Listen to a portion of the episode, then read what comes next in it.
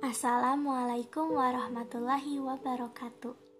Di episode podcast kali ini, aku Rana Hamidatur Rahim dari Prodi Pendidikan Sosiologi Universitas Pendidikan Indonesia mau nemenin kalian buat berbincang-bincang tentang apa yang lagi hangat-hangatnya ada dalam sektor pendidikan. Hmm, mawar itu ungu, violet itu merah. Tujuh hari itu seminggu, Senin sampai Jumat kita sekolah. Ya, walaupun sekolahnya di rumah sih. sekolah dan rumah jadi ngingetin tentang program pembelajaran jarak jauh atau PJJ yang termasuk ke dalam kebijakan Merdeka Belajar dari Kemendikbud. Alasannya sih sebagai bentuk adaptasi proses pendidikan dengan pandemi COVID-19 yang masih terjadi sampai hari di mana podcast ini dibuat. Kalian semua pasti udah paham betul kan apa itu reformasi? Ya, betul. Reformasi itu perubahan secara drastis untuk perbaikan dalam suatu masyarakat atau negara.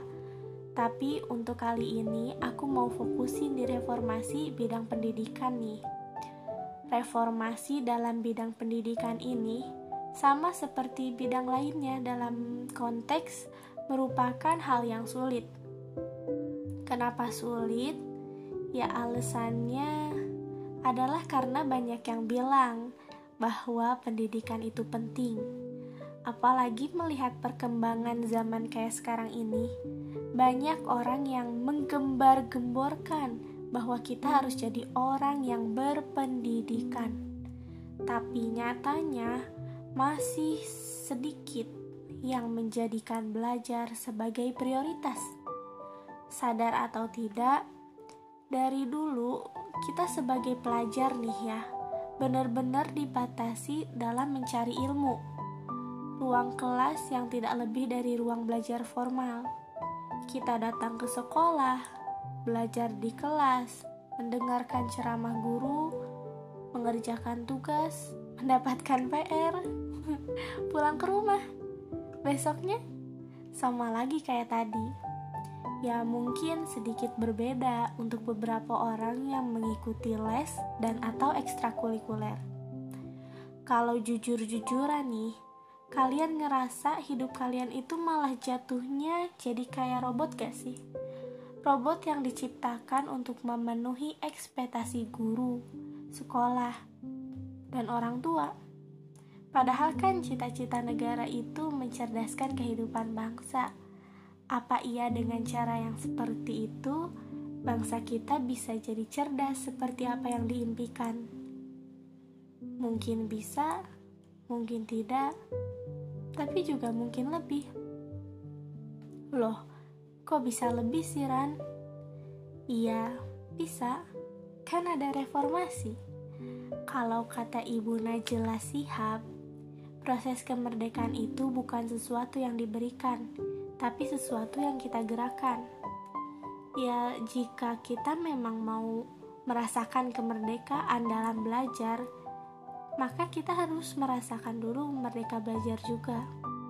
Harapan ini reformasi pendidikan ini tentunya mampu diwujudkan berhubung dengan upaya Kemendikbud, lebih tepatnya Bapak Nadiem Makarim yang mengusung program kebijakan Merdeka Belajar. Keren banget gak tuh namanya? Di mana baik itu para pelajar, pengajar, maupun orang tua tidak diberatkan oleh proses pembelajaran.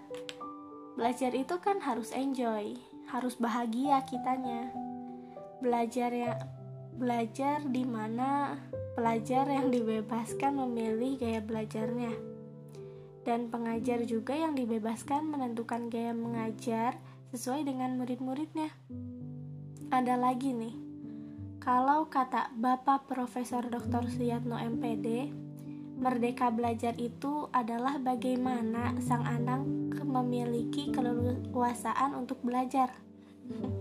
Tidak berdasarkan satu segmen, bahwa anak itu memiliki multi kecerdasan, mau itu matematika, bahasa, seni, dan lain-lain. Jadi, merdeka belajar itu anak dipersilahkan belajar dari segi mana pun sesuai potensinya. Tidak boleh diatur oleh salah satu kecerdasan saja, karena multi kecerdasan itu dimiliki oleh setiap anak tanpa terkecuali. Luar biasa kan penjelasan dari Bapak Profesor Dr. Suyana ini?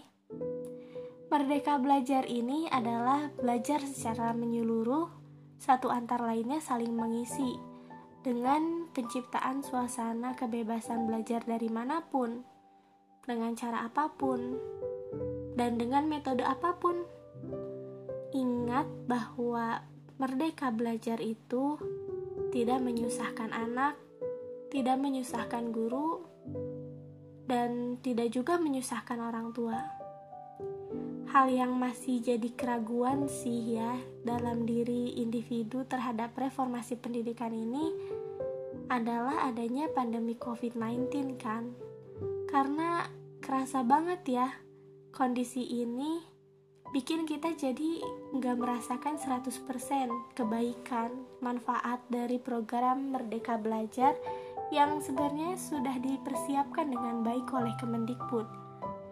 Tapi satu pesan dari aku adalah kalian gak boleh nyerah gitu aja sama keadaan Aku yakin kalau semua pelajar, semua pengajar, semua orang tua, dan pokoknya semua warga Indonesia bekerja sama dengan baik, kita mampu merealisasikan peribahasa ini loh. Sekali merengkuh dayung, dua tiga pulau terlampaui juga. Harapannya ada pada pandemi yang cepat berakhir dan pendidikan Indonesia yang semakin maju. Semangat untuk semuanya. Kalian itu luar biasa keren banget. Segini aja episode podcast kali ini. Mohon maaf masih banyak salah kata. Terima kasih. Wassalamualaikum warahmatullahi wabarakatuh. Bye.